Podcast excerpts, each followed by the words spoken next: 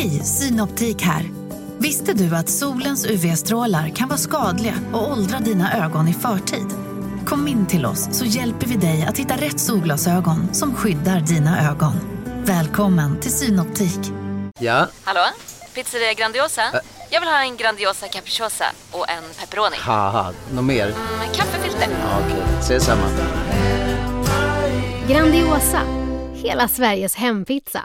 Den med mycket på. Välkommen till Unionen. Jo, jag undrar hur många semesterdagar jag har som projektanställd och vad gör jag om jag inte får något semestertillägg? Påverkar det inkomstförsäkringen? För jag har blivit varslad, till skillnad från min kollega som ofta kör teknik på möten och dessutom har högre lön trots samma tjänst. Vad gör jag nu? Okej, vi tar det från början. Jobbigt på jobbet. Som medlem i Unionen kan du alltid prata med våra rådgivare.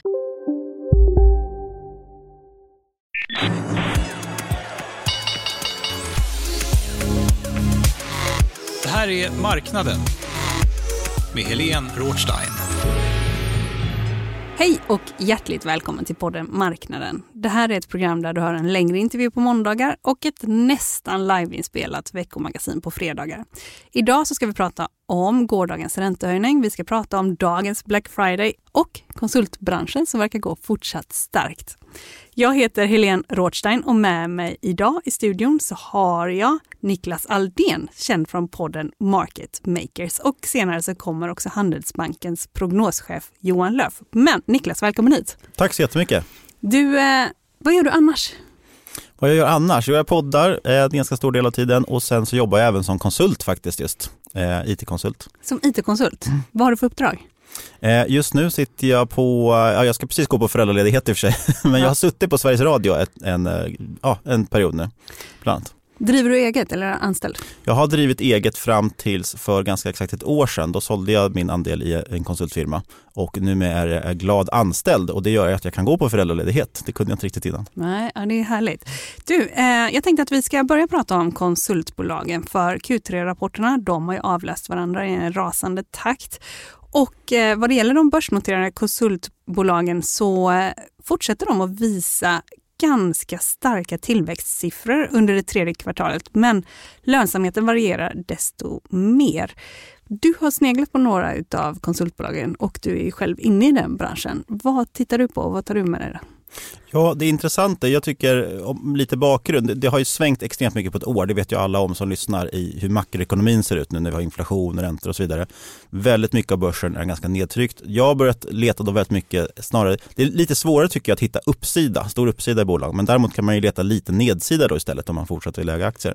Eh, och något som jag tycker är intressant och det är att försöka hitta bolag som jag just nu tycker är lite missförstådda, som kanske fått lite för mycket, eh, ja men det gått ner lite för mycket, för lite sämre förväntningar än vad de borde ha. Eh, ett exempel på det tycker jag är just konsultbolagen och då, det är inte bara för att jag håller på med det själv, men man ser, jag tycker man ser ganska tydligt eh, och när man även hållit på att rekrytera inom den branschen och så att det går inte att få tag på folk, vilket gör att folk vänder sig till konsult, konsulterna. Konsulterna har överbeläggning, alltså man har för mycket att göra. Eh, och då resonerar jag så ganska enkelt att om man har kanske 130-140 procents beläggning och så går, låt säga efterfrågan ner 30 procent, då är det fortfarande över 100 procent. Vilket gör att jag tror inte att debiteringen i konsultbolagen kommer gå ner särskilt mycket. Eh, och därmed är det ganska orättvist då att många av dem kanske handlas till nu P10. Eh, du får också en ganska trygg eh, utdelning i många av dem. De delar ju ofta ut vinsten eftersom det är svårt att anställa, det är svårt att investera i något vidare annat än förvärv. Så delar de ofta ut stor del av kassan. Eh, och då finns det många bolag som handlas till runt P10, du kan få mellan 3-5 direktavkastning. Kollar man på till exempel Ogunsen, alltså gamla SJR, eh, som är, jobbar ju med ekonomikonsulter, där är det precis lika svårt att få tag på folk. Vilket gör att de har jättehög hög efterfrågan. Eh, de delar ut ännu större andel, jag tror att de är uppe i 7-8 procents direktavkastning. Eh, och det där är ganska intressant. Nu pratar jag på kort sikt. På tio års sikt så är inte det världens spänn mest spännande bransch att äga konsultbolag, för de har alltid dåliga marginaler.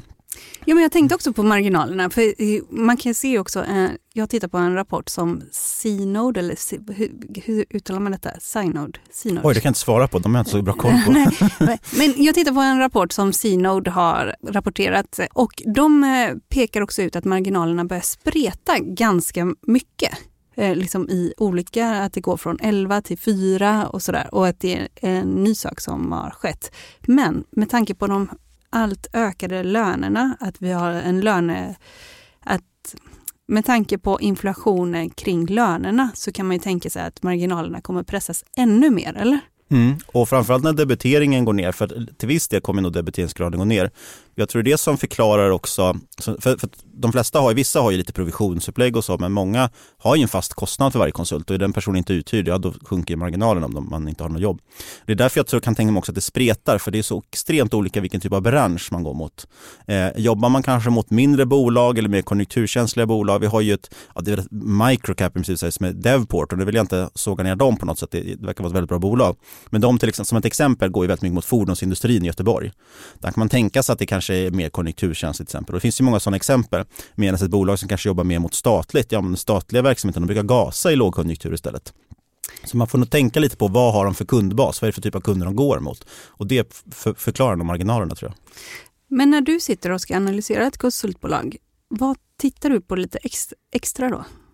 Jag försöker framförallt få en känsla just för att vad de har för typ av kunder, alltså för att försöka förstå den biten. Hur kommer de hålla debiteringen? För som jag skulle säga förut, så det här nu är det ganska kortsiktigt, vi pratar kanske en halvårssikt eller någonting. Jag tror på tio år så är inte det världens mest spännande bransch, den, den kan växa några procent per år och du kan ha 10% marginal, men det händer inte så mycket mer. Eh, men det är väl en ganska kanske lite tryggare placering då. Eh, men titta lite på kunderna. Jag är ganska nyfiken också på lite hur deras upplägg ser ut med konsulter. Det finns olika där. Vissa som e-work, de ställer sig mest emellan som en nästan konsultmäklare och skär procent. Det kan vara en väldigt intressant bransch för den är lite mer lättrörlig då. Eh, vissa andra har väldigt höga incitaments. Eh, B3 kör ibland med en sån variant att man konsulten har väldigt mycket frihet och mycket mer provision. Det gör ju att lönerna då också går ner i takt med om man tappar debitering och det skyddar ju de marginalerna. Och vissa andra har ju liksom bara ja, men anställda konsulter, om vi tänker mer Afri kanske och, och liknande. Så att man får titta lite på hur uppläggen ser ut, titta lite på vad de har för typ av kunder eh, och sen tycker jag att såklart alltid man ska titta på omsättning och marginaler över tid.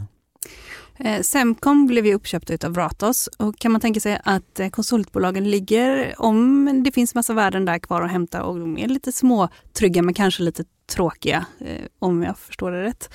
Kan man tänka sig att det inom konsultbranschen finns fler potentiella utköpskandidater och finns det någon som du tänker kan vara jag vågar nog inte gissa på det. Jag tycker alltid det är så farligt att spekulera om. Det jag skulle kunna säga är ganska säkert däremot, men det hjälper kanske inte de som, som handlar på börsen, det är att många av de små onoterade konsultbolagen, det är framförallt de som köps i första skedet. Alla de stora konsultbolagen, de sveper, eller har de gjort senaste åren i alla fall, sveper upp alla små konsultbolag. Alltså du har ett konsultbolag med kanske 10-20 anställda, då köps ju de upp av HiQ eller ja, något liknande. Liksom. Eh, det har ju varit en väldigt lätt marknad att sälja som konsultbolag, men du får ju heller inte så hög värdering på det kanske.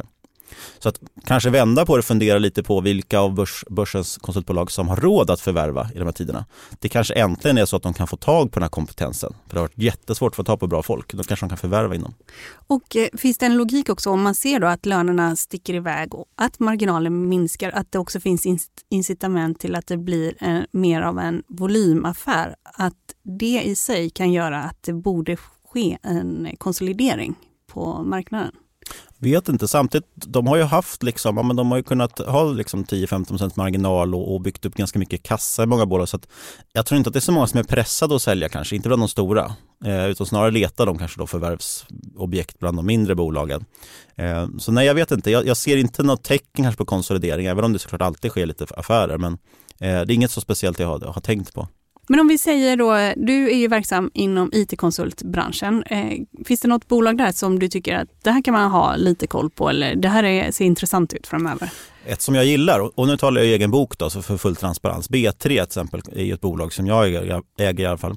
Eh, där har det varit lite intressant också. Det har ju lite upp med att det har varit ganska låg likviditet i bolaget. De fick en ny styrelseordförande från Protector Försäkring. Eh, Protector är också en av de största ägarna i B3 och den här nya styrelseordföranden som jag tyvärr nu har tappat namnet på här i minnet, men eh, han klev in i, eh, om det var i somras tror jag att det var, eh, eller om det var våras till och med redan, Eh, och har ju köpt upp är det 10 eller 15 procent av bolaget och gjort det över börs. Han har inte hållit på med liksom gjort någon strukturaffär eller place eller något, utan han har suttit och köpt över börs löpande. Det till exempel har varit en, en väldigt bra affär eh, i och med att då, han har ju pressat upp aktien väldigt, väldigt mycket på det. Eh, men fortfarande tycker jag den är ändå ganska billig. Jag tror att det handlas till typ kanske P, ja, men mellan P, P10 och P15, det beror lite på dagskurs. Eh, och du får en direktavkastning på nästan 3 procent. Eh, så det är ett intressant bolag och de har ju lyckats knyta till sig ganska mycket folk under de senaste åren. För att när det har varit goda tider, då har ju folk bytt väldigt mycket jobb eh, eftersom man helt kunnat pressa upp sina löner. Eh, och B3 har ju kört mycket på ett koncept där det jobbar ganska provisionsbaserat. vilket då är såklart är intressant i goda tider. Då tänker man ju inte på vad risken är med det, att man kan tappa lön också, utan då ser man bara oj vad bra, om jag går in till B3, då kan jag tjäna jättemycket pengar eftersom jag får äga, ta, ta så mycket del av omsättningen själv. Så de har haft ett ganska bra koncept så, och jag tror också att det kan skydda dem lite på nedsidan om man får sämre tider. Men vi har inte sett något tecken på det.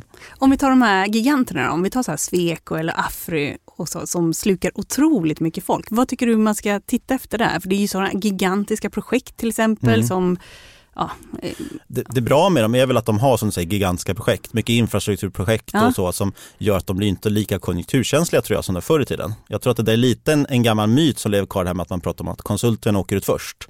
Det är därför, man in, det är därför det har funnits eh, en risk kring konsulter liksom och så. Eh, Men, men idag upplever jag inte att det är det på samma sätt. I alla fall inte kring inom IT och även ekonomi där det är sån efterfrågan. Men det tråkiga kanske med de här med Afri och Sweco och så vidare, det är väl att de ägs redan så många institutioner, de är så pass stora. Det är kanske inte där man ska leta efter en, en jätteaffär så att säga. Men det är säkerligen en trygg, trygg placering kanske. Eh, och bra då om man driver en pensionsfond och så, men det gör jag faktiskt inte. nej, inte än. Vi kan hälsa Johan Löf eh, in i studion. Välkommen in. Marknaden sponsras av SPP, pensionsbolaget. Eh, Förra gången pratade vi lite om ITP. Och som en kort repetition så, så var det ju 70-tal, arbetsmarknadens parter bestämde att alla tjänstemän ska ha en tjänstepension. Man kom överens om vilka villkor som ska gälla i den här pensionen och så kallade man den för ITP. Så jobbar man idag som tjänsteman i ett företag med kollektivavtal, då har man förmodligen den här pensionen, ITP-pensionen. Eh, och det är ju så att man kan påverka eh, den här pensionen, hur den är placerad. Vart femte år så gör nämligen Collectum, som de heter, en enorm upphandling där olika pensionsbolag kan ansöka om att få förvalta eh, de här pensionerna. Och SPP är ett av bolagen som valdes ut i den senaste upphandlingen. Och sen kan du som pensionssparare välja eh, vilket av de här olika pensionsbolagen som, som då ska få ta hand om dina pengar. Och tanken med den här upphandlingen det är ju att liksom kvalitetssäkra de här olika alternativen eh, men också att förhandla fram stora rabatter så att pensionsspararna ska få ja, kunna spara pengar genom att avgifterna eh, som är så viktiga eh, blir eh, lägre. Och vill man välja någonting i ITP-systemet då finns det en relativt ny sajt som heter avtalat.se. Ehm, där kan man gå in och se hur sin ITP-pension är placerad. Jag gjorde det häromdagen faktiskt. Ehm, idén är att hälften av pengarna alltid ligger i något som kallas för traditionell försäkring. Det här gjorde vi ett avsnitt om i podden Kapitalet nyligen eh, som vi kallade världens bästa sparform. kan man lyssna på om man är intresserad. Eh, den andra halvan eh, den kan man också lägga i en traditionell försäkring eller så kan man placera det i något som kallas för fondförsäkring. Eh, SPP som sagt eh, var ju ett av de fåtal bolagen som valdes ut i den senaste upphandlingen och de finns med som alternativ både med en traditionell försäkring och med eh, fonder. Så det var en liten bakgrund till ITP-systemet. Vill man läsa mer om det här eller typ kolla hur ITP-pensionen är placerad, eh, kanske göra förändringar, då går man in på avtalat.se.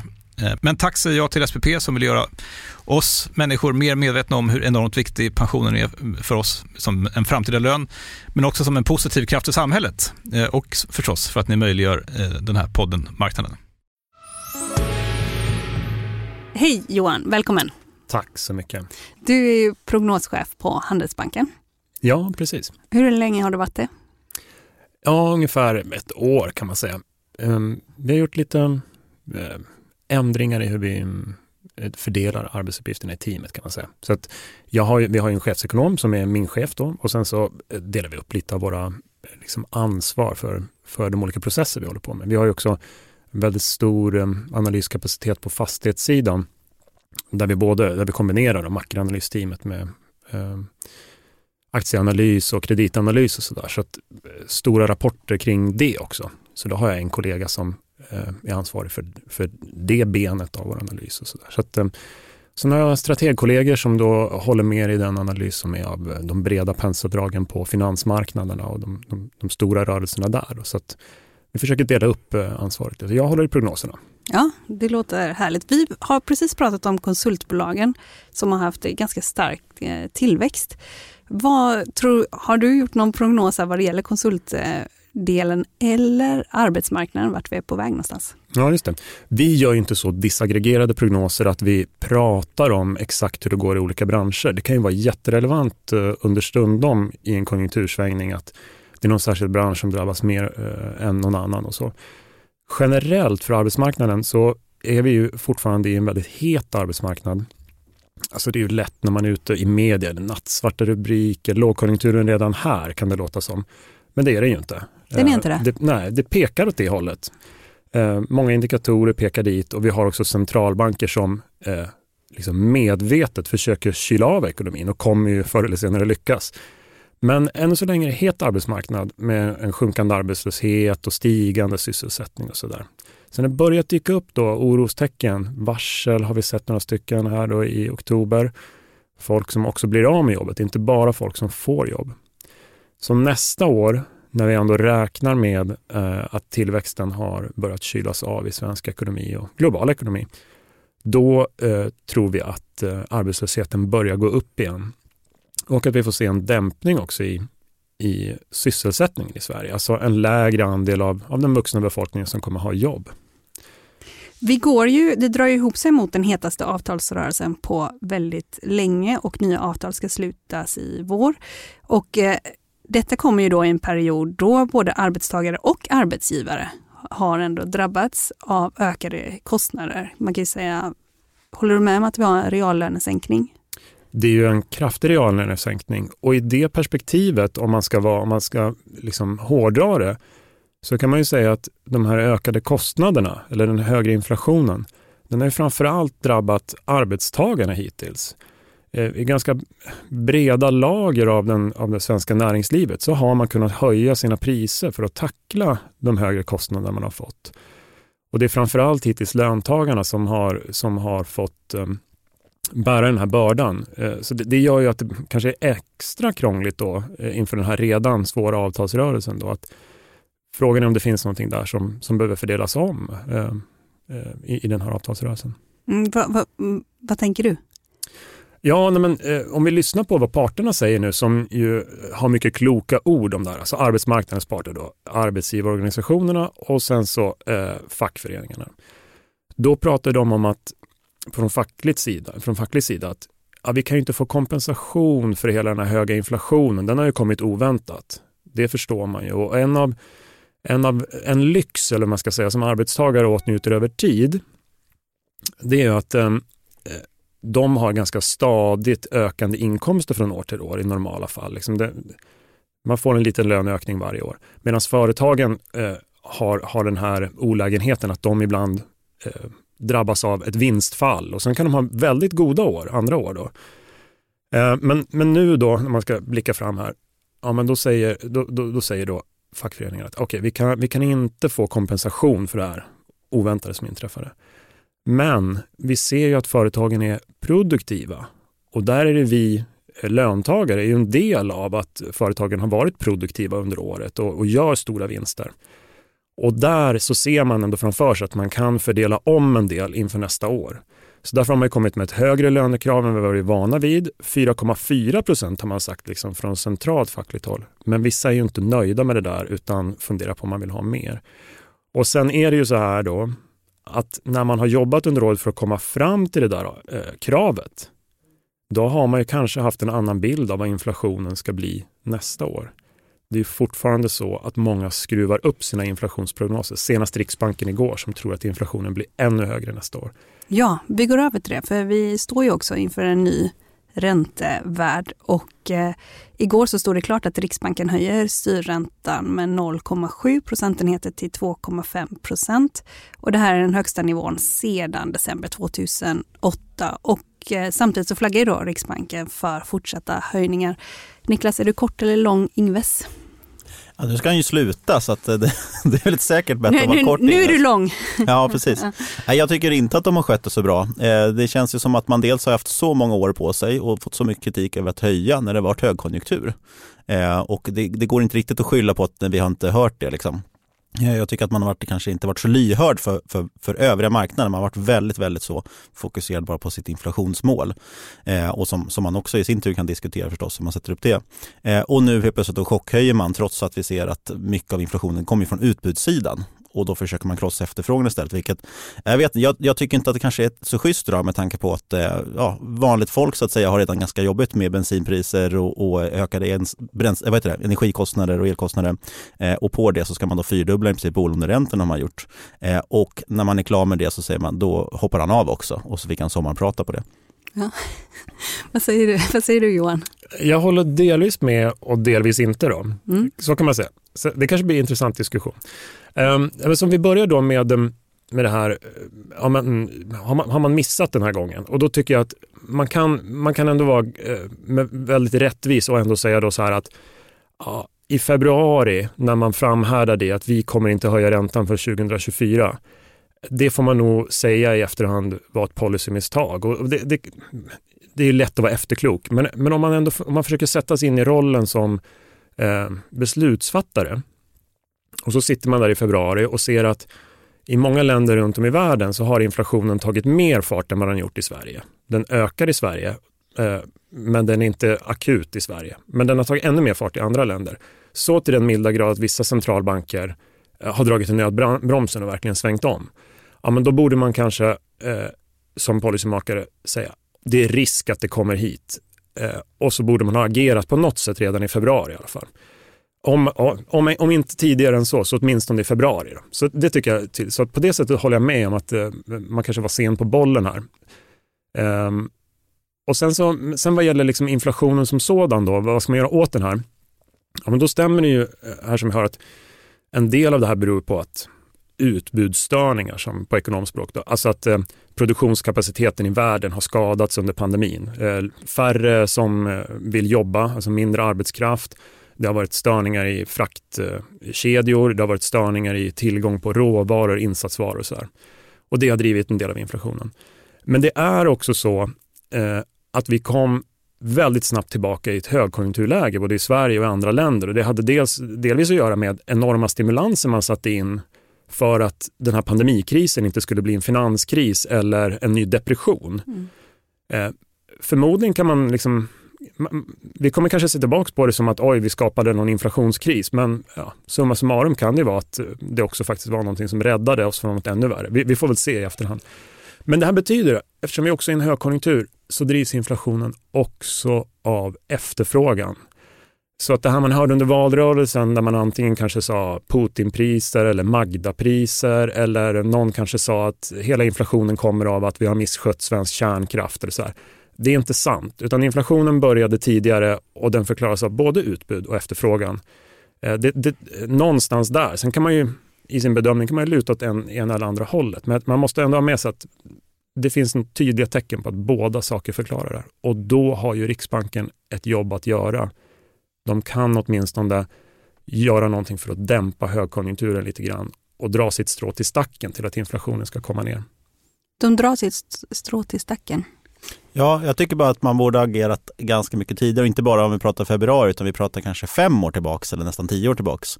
Där man hållit på egentligen med just stimulanserna för länge. Väldigt mycket upplever jag för att man varit så fokuserade på, på inflationsmålet. Eh, och många har ju kritiserat dem för det. I USA ändrade man ju om lite och tog också in parametern med arbetslöshet, eller sysselsättning pratar man väl om. Eh, men i Sverige har vi varit väldigt, väldigt fokuserade på 2 procent. Eh, och vilket gjort att vi har suttit med minusräntor också genom väldigt goda tider. Så att nu har man inte så mycket ammunition kvar så att säga att använda. Men det här inflationsmålet, är det rimligt att man styr hela penningpolitiken utifrån de här liksom 2% plus minus vad det nu är? Vad är det, 2 komma Ja, men man siktar på 2 procent. Ja, ja, just det. Mm. Och det, det, får vara någon liten avvikelse. Ja, ja, ja absolut. Ja, de, de, de, har inte, de har inte specificerat det som att eh, vi tillåter det. Men däremot så brukar de ibland illustrera att oftast ligger inflationen, eller den har gjort då sen man fick inflationsmål, oftast ligger den mellan 1 och 3 procent. Och ibland hamnar man utanför. Då. Men det är 2 procent som, som man siktar på eh, hela tiden. Det är målet. Mm. Är det rimligt att, ha ett sånt, att styra penningpolitiken utifrån ett sådant mål? Um, ja, det, det, är det väl. Sen så kan man kan ju diskutera andra typer av mål. Um, vi vet att i USA då, eh, som, som nämndes här, så har man ju ett, ett dualt mål. Man, liksom, man har två mål, men man har ju bara ett verktyg, penningpolitiken. Oftast går det där jättebra, att uh, liksom man vill få upp inflationen eh, och eh, det kommer inte på konflikt med vad som händer på arbetsmarknaden. Utan man, kan, man kan göra någonting, man kan stimulera för att få upp inflationen till exempel. Eh, men ibland kan man hamna i problem om man, bara har, om man har två mål med bara ett verktyg. Och därför är det så i EU att det är bestämt i EU att vi har, vi har bara inflationsmål. Så det är liksom inte ett alternativ för Sverige att så här, hitta på något eget här, att ja, men vi vill ha mål för vad som helst. Utan det är inflationsmål vi kör på. Och sen så tänker att av och till de senaste åtminstone fem åren så har det pratats en del då innan den här krisen. Då, så har det pratats om att ja, ska man ha lite annat inflationsmål behöver vi ändra. Och i, i USA då gjorde man ju en, en, ändring precis innan den här inflationskrisen. Så det, det har ju liksom kommit lite olyckligt då. Där man, där man ville ha eh, mer tolerans eh, för avvikelser. Om man kommer från en avvikelse då vill man kunna då vill man kunna kompensera genom att ha en avvikelse åt andra hållet så att man, man ska vara säker på att man över tid uppfyller den här prisstabiliteten. Och så, där eh, så det finns ju lite sådana nya, nya varianter. Men, men i, i grund och botten så är inflationsmålet det är ju, det är en typ av mål för att hjälpa ekonomin att eh, stabilisera när vi får konjunktursvängningar eller kriser. eller så där. Man kan säkert man kan hitta på andra eh, varianter. Eh, men, men inflationen är något som ligger oss vanliga människor väldigt nära. Vi märker när vi går till mataffären och så, som, som det har varit mycket fokus på på senaste, så de som har det så att säga allra sämst i samhället, de är oftast de som är allra mest beroende av att inflationen inte svänger hit och dit eller blir för hög. För de har små marginaler i sin ekonomi. Ehm, och i det perspektivet så, så eh, kan det vara eh, också vettigt och att det kan ha en folklig förankring. Det kanske skulle vara svårare att säga så här, vi ska ha ett mål för tillväxten. Eh, då, då, skulle man kanske hamna i det här att nu känns det som att ni stimulerar svenska exportbolag men jag jobbar ju inom vården och vad gör ni för mig? Alltså man skulle kunna få andra typer av diskussioner. Så att det är inte givet. Den avgående riksbankschefen han menade att det kan behövas ytterligare höjningar innan räntan vänder nedåt igen. Vad säger du om det Johan? Jo, men, eh, och då kommer jag tillbaka till det jag sa förut, att ja, men, eh, så vitt vi kan bedöma här när vi står mitt uppe i det, så är det en del av det här som beror på att vi är i en högkonjunktur både i Sverige och, och utomlands. Och en del av det beror på att inflationen har gått så långt att vi har fått beteendeförändringar.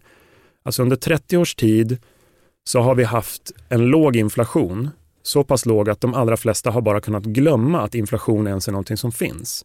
Man har kunnat fatta sina vardagliga beslut oavsett om man har suttit i styrelserummet på ett företag eller hemma vid köksbordet. Man har kunnat fatta alla sina beslut utan att ens tänka på inflationen. Men nu är det här front and center. Det här är, liksom, det här är en viktig sak i vår vardag för den är så stor nu. Och det har lett till beteendeförändringar så vitt man, så vitt man kan bedöma här och nu. Och då, då behöver Riksbanken verkligen nu se till att man inte bara höjer en kort period och sen så får man några första tecken på att inflationen vänder för att det nu lättar med alla de här utbudsstörningarna vi nämnde. Och så tror man att faran är över. Utan man måste hålla i det här lite längre. Eh, och, eh, och nu tror man att det dessutom kommer krävas en viss höjning ytterligare. Men sen gör man ju prognosen att vi kommer hålla kvar den här högre räntan i flera år framöver. Och det är det som liksom krävs för att vi ska få bukt med beteendeförändringarna så vi går tillbaks till den trygga miljön där vi kan släppa inflationen igen. Och att vi dessutom då kyler ehm, eh, högkonjunkturen mer till en, till en långsiktigt hållbar tillväxtbana. För nu, nu, nu har tillväxten varit för snabb för att vi ska kunna hålla i det över tid. Niklas, eh, tror du det blir annorlunda här med Erik Thedéen på sikt? Det kan jag faktiskt inte uttala mig om. Nej, du har, eh, tycker du han har gjort ett bra jobb på Finansinspektionen? Eh, jag, har, jag har faktiskt ingen åsikt om det överhuvudtaget. Nej, nej du har inte det? nej. nej. Eh, och har du något att säga om Erik Thedéen? Är det någon, har du följt honom, hans karriär eller någonting? Alltså jag känner inte honom som yrkesperson så. Jag, jag har jobbat på Finansdepartementet samtidigt som, som Erik Thedéen. Ja. Men, eh, men jag, har, jag har liksom ingen stark bild av att det här kommer förändra Riksbanken eller sådär. Mm. Uh, han, han framstår som en, som en klok chef så att, uh, jag är säker på att det kommer gå bra i den nya direktionen. Och tendensen är att uh, när någon ny person kommer in och leder sådana här organisationer så blir det inget lappkast med, med tvära vändningar utan mycket av det här handlar ju om en, en förvaltning av, av liksom, en viktig samhällsfunktion. Ett förvaltningsuppdrag är det Ja, nej, men så, så att successivt kommer säkert han och eh, Aino Bunge som är eh, också en ny direktionsledamot, att börja sätta sin prägel på, på, på, vissa saker. Kanske vilka projekt som prioriteras att man ska analysera inom banken eller lite hur politiken går eller hur man arbetar och sådär. Men, men det, är, det, är mycket som, det finns mycket traditioner i den här världens äldsta eh, centralbank, också Riksbanken. Eh, marknaden sponsras av Karla. Eh, vi pratar ju en hel del om bilar här på kontoret. Eh, karla har ju skapat, skulle jag säga, det som är standarden för hur man idag köper och säljer bilar på nätet. Kort bakgrund bara. Karla säljer och leasar begagnade elbilar och laddhybrider på karla.se. Alltså en helt digital upplevelse. Och man har gjort det här med ett nästan maniskt fokus på vad en bilköpare faktiskt behöver. Jag gjorde ju en intervju med en av grundarna, Patrik Illerstig, i marknaden här eh, ganska nyligen, eh, daterad 25 mars, om man vill lyssna på den. Eh, men där berättar han hur de kom in i det här lite från vänster för att försöka uppfinna hela den här liksom bilköpupplevelsen från början. Och de har idag, vilket är rätt otroligt, 4,8 i betyg eh, på Trustpilot. Jag, jag har sett många företagssidor på Trustpilot, men det här är nog bland eh, det bästa jag någonsin sett faktiskt. Man kan sälja bilen till Karla också. Eh, då går man in på karla.se, delar lite info om bilen, sen får man en gratis värdering och ett bud. De hämtar bilen helt gratis i hela Sverige och så har man pengarna på kontot i samma stund som de hämtar bilen. Det är grymt. Eh, så ska du köpa en ny bil eller sälja din gamla, eller båda delar för den delen, gå in på karla.se och eh, kolla. Alltså karla.se och Karla stavas med C. Tack så mycket till Karla. Hörni, vi byter ämne för idag är ingen vanlig dag. Ni vet det?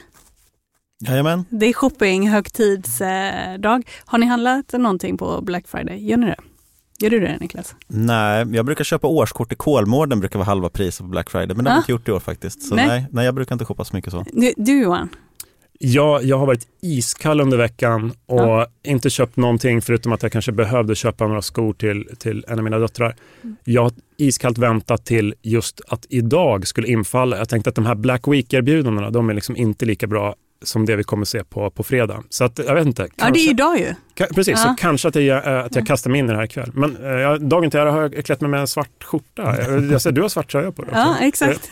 Firar Black Friday. Ja. Apropå inflation så har jag bara noterat att det började med Black Friday. Sen la man till Cyber Monday också där det var ju rea på e-handel, e-handel och så på måndagarna.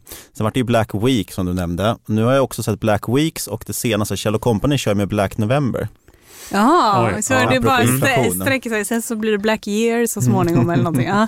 Nej, men för, eh, jag såg här att branschorganisationen Svensk Handel, de bedömer att försäljningen under Black Friday och Black Week, att den kommer uppgå till cirka 8 miljarder kronor och det är en minskning mot förra året då försäljningen landade på 9,7 miljarder och i fjol då så var det mer, den landade på mer än vad man hade trott, för man trodde det skulle landa på 9 miljarder. Johan, kan man tänka att, eh, kan man se hur man handlar på Black Friday? Kan man se det som en fingervisning om hur konsumenten upplever den egna ekonomin? Ja, svår fråga. Eh, jättesvår fråga. För att eh, konsumenten har, eh, har, ju en väldigt svår situation, eller en prekär situation. Om man tittar på hushållssektorn totalt i Sverige mm. så har man liksom gjort ett, man har ett överskottssparande kvar från pandemiåren. Men under ytan där, om vi tittar på enskilda hushåll, då vet vi att det är många som inte alls har något överskottssparande utan lever på marginalen och har det mycket tuffare. Så frågan är här nu då, eh, vi har sett under året då, hushållen blev superoroliga redan förra vintern och började deppa ihop eh, i, i såna här konjunkturbarometrar där man ställer frågor till hushållen. Och man kunde tro att konjunkturen kommer klappa ihop. Det har den ju inte gjort, utan hushållen har börjat köpa lite mindre sällanköpsvaror vilket ju då talar för att det finns ett mättat behov från att man köpte väldigt mycket under pandemin. Kanske är man inte så sugen nu på Black Friday att köpa olika typer av sällanköpsvaror som jag gissar är en ganska stor produkt under Black Friday. Utan man är ganska mätt på det där. Så det kanske talar för att äh, men, vi, vi, vi kommer inte se så stor försäljning. Men sen så å andra sidan så har vi sett under året att eh, tjänstekonsumtionen den har gått jättebra då trots att hushållen har man har kunnat se det som att hushållen är jättedeppiga om man lyssnar på vad de svarar i enkäter. Så där har man liksom åkt på semester, gått på restaurang, köpt eh, fotbollsmatchbiljetter och så vidare. Och, eh, konsumerat tjänster. Så det ger ju en annan bild av att eh, liksom hälsan hos konsumenten fortfarande är ehm, eh, helt okej okay, trots att man nu slås av både höga elpriser, hög allmän inflation och så kommer räntehöjningarna här då och, och slår hårt mot de som har lån. Så att vi, vi får väl se och eh, man kan ju också tänka sig att om man har varit försiktig med slantarna här nu för att man har varit orolig för att den här vintern kommer ge jättehöga elpriser och sådär. Att man så att säga har sparat sig till att nu kommer en bra rea och då, då kan jag ta mig råd och köpa den där grejen som jag egentligen faktiskt har behövt. Så, äh, ja, ni har ju, det här är bara en lång rad eh, killgissningar, men jag baserar det ändå på den här analysen av, av liksom svensk konsument. Men om Svensk Handel tror att det blir lägre eh, Black Week-försäljning, då, då tror jag att de har rätt. Det har ju också talats ganska mycket om under hela ja, det senaste halvåret, eh, Niklas, har det ju talats väldigt mycket om lageruppbyggnad och att eh, jag tänkte att under Black Friday kanske man kan tänka att det är ganska viktigt att kunna sälja av sina lager. Och så. Är det något som du har Ja, det, jag tänker det är väl därför man har kört så hårt på Black Friday också. Det är ju en väldigt bra liksom, högtid för, för handel överlag. Eh, och jag kan tänka mig, precis som du är inne på, att eftersom man ser de här dystra siffrorna om, om konsumenten så tror jag att Black Friday är viktigare än någonsin för alltså retailbolag. Att man verkligen försöker, det är nu man måste pressa upp och försöka rädda Q4. Kan tänka mig också, om jag får gissa lite, att många kanske passar på att julklappsshoppa nu om man kan. Alltså passa på när det är rea, då sparar man lite pengar kanske till december och så vidare. Men det är väldigt intressant, vi pratade om lite innan du ju, eh, att eh, det är intressant nu med bolagen också vad som händer för att man kanske inte heller kan ha samma typ av reor i och med att mycket också riskkapital och, och, finansiering har börjat torka upp. Liksom. Och det där gör det ganska spännande om man sitter och kollar på retailbolag för det är lätt att tänka att retailbolagen kommer gå väldigt svagt nu. Om konsumenten är svag så kommer ju handeln gå svagt. Eh, men det blir väldigt intressant nu att se vad som händer med alla de här till exempel e-handelsbutikerna som försvinner nu kanske för att de inte längre har finansiering på samma sätt. Många har ju gått i förlust sedan de startade och aldrig egentligen vis, liksom tänkt ens på vinst för att de haft gratispengar till den. Eh, och det där tycker jag man har sett i många Q3 nu, inte bara inom retail utan andra bolag också, med att de säger att vi ser faktiskt goda förutsättningar nu för att våra konkurrenter försvinner. Helt plötsligt, vi som alltid fokuserar på lönsamhet, haft en stark balansräkning, helt plötsligt ser vi att konkurrensen börjar försvinna. Och det ser man också i andra verksamheter, inte bara som sagt i handel, utan vi har även sett det i mobilspelsföretagen. Eh, Mag Interactive till exempel som gör mobilspel. De sa ju att vi har precis samma annonsbudget som vi hade tidigare, eller annonseringsregler, men helt plötsligt får vi mer för varje krona vi annonserar för. Och det är för att vi ser att våra riskkapitalfinansierade konkurrenter, de köper inte lika mycket annonser längre. Så helt plötsligt får vi mycket större ROI, alltså mycket större avkastning på vår annonsering. Eh, och det är lite intressant faktiskt att man ser det i många, många verksamheter. Och det tror jag också är någonting att ta med sig om man tittar på, på aktieanalys, att säga, titta på, fundera just med balansräkningen nu. Vilka har varit lönsamma länge? Vilka har en stark balansräkning? De kanske kan dra nytta av sämre tider. Ja, ja intressant. För de andra sållas ut då i annonsflödet kan man säga. Och, och, det är ja. därför vi behöver ha en lågkonjunktur ibland. Alltså det är det krassa svaret. Mm. Och, och, det är det jag menar sen per Riksbank så inte velat. De har aldrig vågat höja räntan för att man är så rädd för det. Men, men vi behöver det ibland för att rensa ut lite, lite bolag som inte funkar. Men jag har också tänkt, för jag såg att eh, Intrum till exempel som kom med en miljardsmäll idag, eh, de rasar tvåsiffrigt på börsen såg jag. Men eh, de gick ut och varnade till exempel, du ska tänka på, på sin hemsida, du ska tänka på hur mycket du konsumerar. Och jag såg också Günther Mårder från eh, vd för Företagarna och också allmän, en allmän sparekonom kan man väl säga, allmänhetens sparekonom. Eh, och en sparsam person. sparsam person. Han gick också ut och sa att eh, på att ekonomi betyder att hushålla med resurser och liksom att man också liksom manat till lugn. Och sen så såg vi då å andra sidan Klarna som sa att vi ser ett ökat köptryck och sådär i första veckan. Vilket då Svensk Handel inte hade sett, eller deras prognos var inte så. Men finns det också en risk med sådana här, det gäller att fynda snabbt, eh, att man skuldsätter sig mera? Är det något som ni har tänkt på? Ja, det gäller väl generellt. Det har blivit mycket lättare att få tillgång till kredit överlag. Eh, om man säger, jag har inte svenska siffror, men jag gissar på att krediterna har ökat här också. I USA ser man jättetydligt att kreditkortsskulder ökar. Och just i till exempel Klarna och att det har varit låga räntor har gjort att det har varit jätteenkelt att få tag på pengar, både om man finansierar bolag men också som privatperson. Vad som helst går ju att klicka hem med knappt en kreditkoll liksom, så har man klickat hem nästan vad som helst. Så jag tror absolut för de som har mycket impulsdrivna och så, svårt att och, ja, värja sig mot det, liksom, då tror jag absolut vi har Lyxfällan går ju antagligen mycket bättre idag. Men man kan ju säga ändå att nu när räntorna har börjat gå upp och vi ser också att eh, hushållen är medvetna att de går upp. Man, dels så ser man det i undersökningar där man frågar tusentals hushåll vad, vad, är räntan idag och så får de svara på det och vad tror ni om räntan framöver?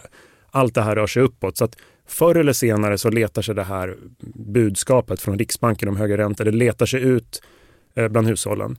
Och vi kan också se eh, eh, Eh, på banker, såsom Handelsbanken där jag jobbar då, att eh, det är mycket oroliga samtal som kommer in och efter den här eh, hela procentenheten som Riksbanken höjde i september så märktes det ett väldigt ökat tryck på, på folk som frågade vad betyder det här för mig och, och, och så vidare.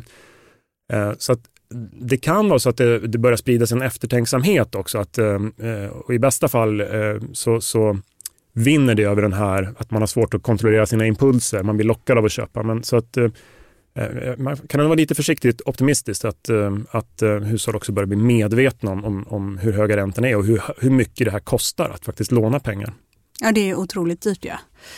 Um, vad, du Johan, vad håller du koll på inför nästa år? Vad är det mest, liksom när året börjar? Vi går ju ändå mot ett slut av 2022 här.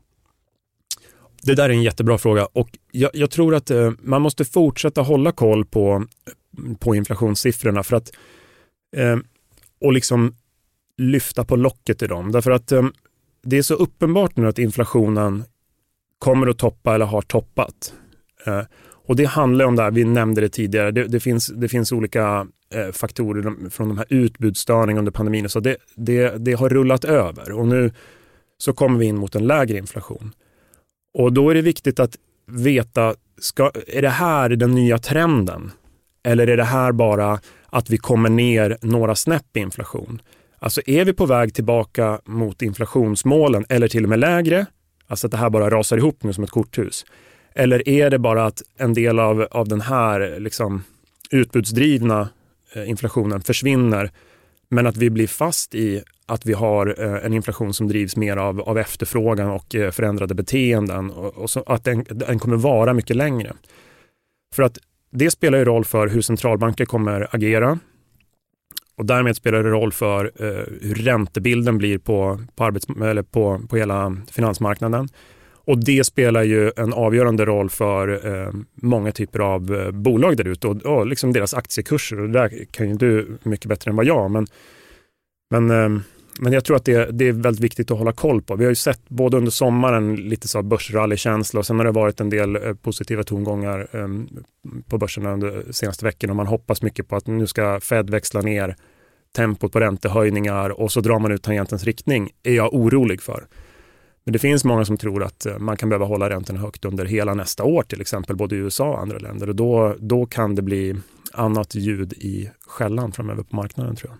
Och vad det gäller inflation, till exempel avtalsrörelsen som vi pratade om här tidigare, är den viktig att hålla koll på vart den landar eh, ur ditt perspektiv?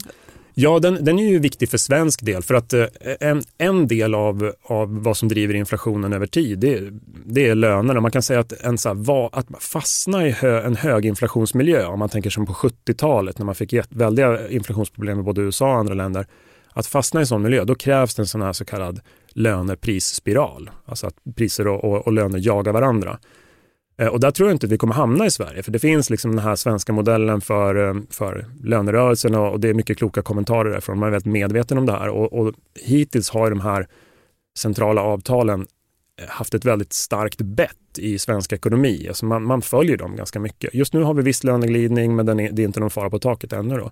Så för svensk del så blir den här lönerörelsen ganska viktig.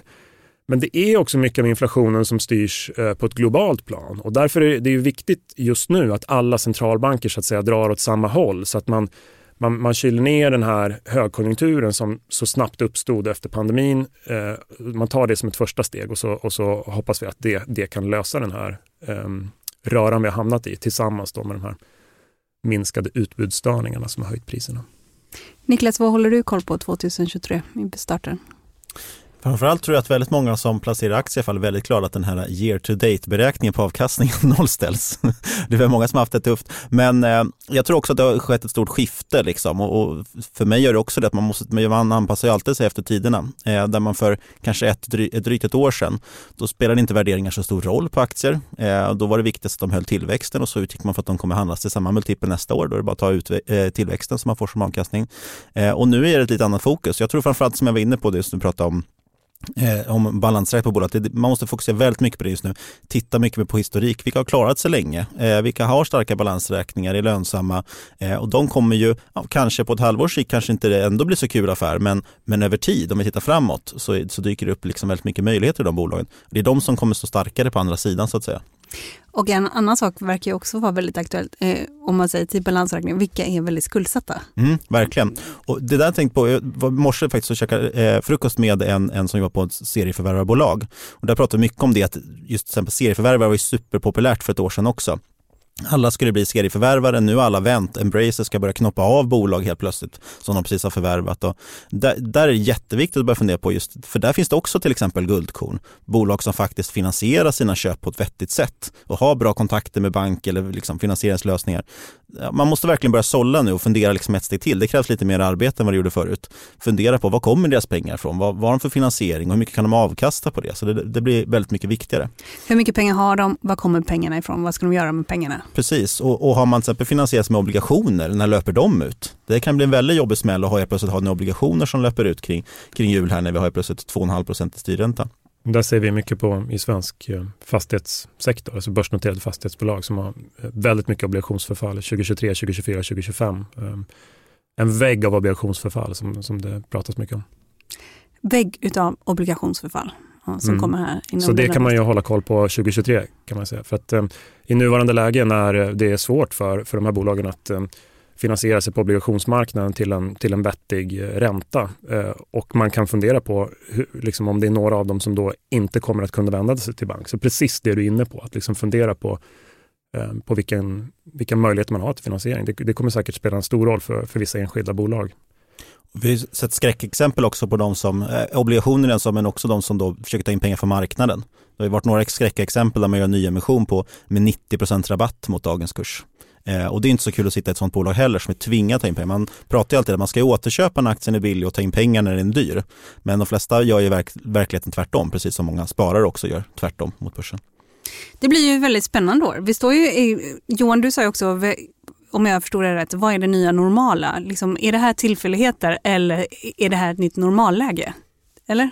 Fattar jag rätt? Det är, det är väl spännande år varje år. Ja, det är så spännande. Alltid spännande. Ja, nej men precis. Det nya normala. Eh, många tror ju att eh, räntorna inte på mycket lång tid kommer komma ner till någon sån här nollräntemiljö utan att det, eh, att det kommer ta, ta längre tid eller att vi till och med är på väg upp över några tio år framöver då, till en högre räntenivå. Som vi Tror du det också? förr.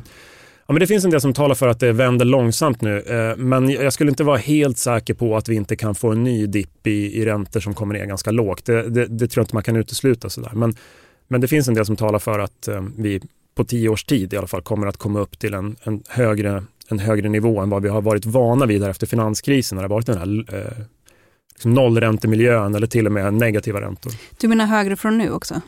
Nej, inte högre från Nej. nu nödvändigtvis, Nej. utan eh, en del centralbanker de ligger nog redan idag högre än den nivå som man kan tro är liksom den neutrala nivån för ekonomi i balans på lite sikt. Så att de, eh, till exempel i USA eh, så kommer de höja räntan några gånger till och sen successivt kommer de förmodligen behöva ta ner räntan lite grann för att få ekonomin att börja balansera ut och, och sen tuffa på i, i sin vanliga takt så att säga. Så att de, de kommer höja till och med till en, en eh, restriktiv åtstramande ränta. Man kan väl se det lite som att just nu bromsar man ju ganska hårt. Sen får man väl lätta på bromsen igen förhoppningsvis. Ja men precis. Och, och då är det, då den, den stora frågan är ju för en ekonomi som Sverige då till exempel, den här snabba inbromsningen som vi ser nu, har den, har den gått tillräckligt långt? Alltså hur, lång, hur, hur långt måste man gå i sin inbromsning? Räcker det med att gå upp till knappt 3% som Riksbanken spår nu? Eller finns det skäl att tro att man behöver gå till 4% till exempel? Eh, Och det gäller för, för alla länder att det här är väldigt osäkert att, eh, att eh, bedöma i realtid, särskilt efter vi har haft den här väldigt unika pandemikrisen som har vänt upp och ner på alla möjliga ekonomiska serier som man i normala fall kan, kan analysera och försöka förstå sådana här svåra frågor utifrån. Hörni, jag säger stort tack för att ni kom och var med i podden Marknaden. Tack. Tackar. Hörni, vi säger hej då för du har lyssnat på podden Marknaden som ges ut av Monopol Media. Och idag så har vi pratat med Niklas Aldén från podden Market Makers och Johan Löv som är prognoschef på Handelsbanken. Jag heter Helene Rothstein och producent är Jesper Hagenborn och ansvarig utgivare är Jakob Bursell. Och på måndags kommer en liten ovanlig intervju i den här podden. Håll ut! Ha det bra! Hej då!